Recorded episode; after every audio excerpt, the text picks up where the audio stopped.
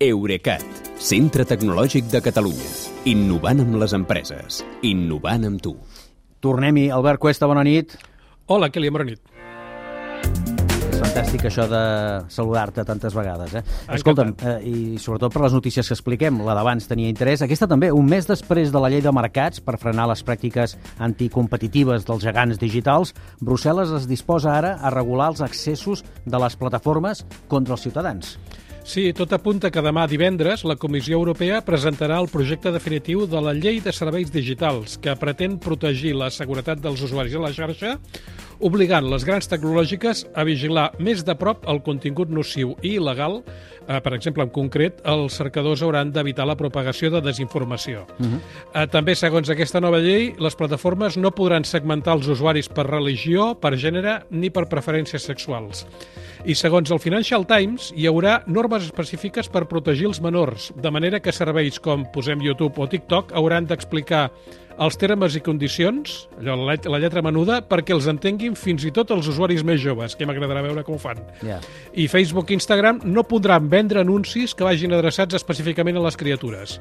A més, també es prohibiran els anomenats patrons foscos, que són les trampes que les pàgines web i les aplicacions fan per manipular els usuaris perquè fem accions que potser no volem fer. Eh, Te'n dono tres exemples Sí, molt habituals. sisplau. Uh, un patró fosc són els formularis aquests on t'acabes subscrivint a un servei de pagament sense ser-ne conscients fins que t'arriba el rebut.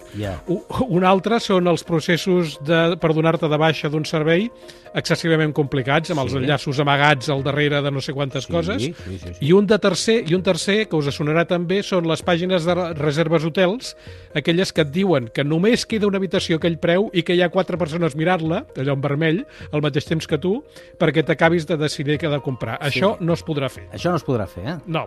Segur que als gegants digitals això no els agradarà, que Europa els posi límits. Així que suposo que han previst, s'hauran previst, suposo, sancions, si no fan cas. Sí, aviam, aviam, segur. Aviam, no tenim els detalls, però es parla de multar les plataformes amb un 6% de la seva facturació anual per cada infracció, que això és una borrada de diners. I no només això, eh, seran les mateixes tecnològiques les que pagaran l'organisme europeu que s'encarregarà de supervisar que, eh, que es compleixi aquesta llei de serveis digitals. Les més grans, aquelles que tots tenim al cap, amb 45 mi- milions d'usuaris o més a Europa, hauran de pagar cada any entre 20, 20 i 30 milions d'euros. I amb aquestes, la llei se'ls aplicarà de manera immediata, mentre que les plataformes mitjanes tindran un període, diguem-ne, de gràcia. I dius que, que això s'aprovarà demà a Brussel·les?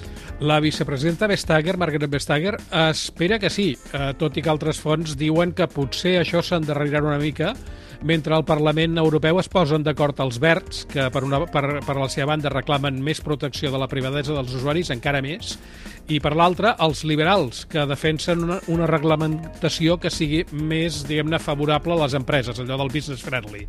Uh, sí, com sigui, el consens general és que aquesta nova llei de serveis digitals és la reforma legislativa més important dels últims 20 anys que afecta les grans tecnològiques. Doncs tant de bo serveixi perquè d'una vegada deixin de determinar la nostra vida digital com els convingui a elles i no a nosaltres.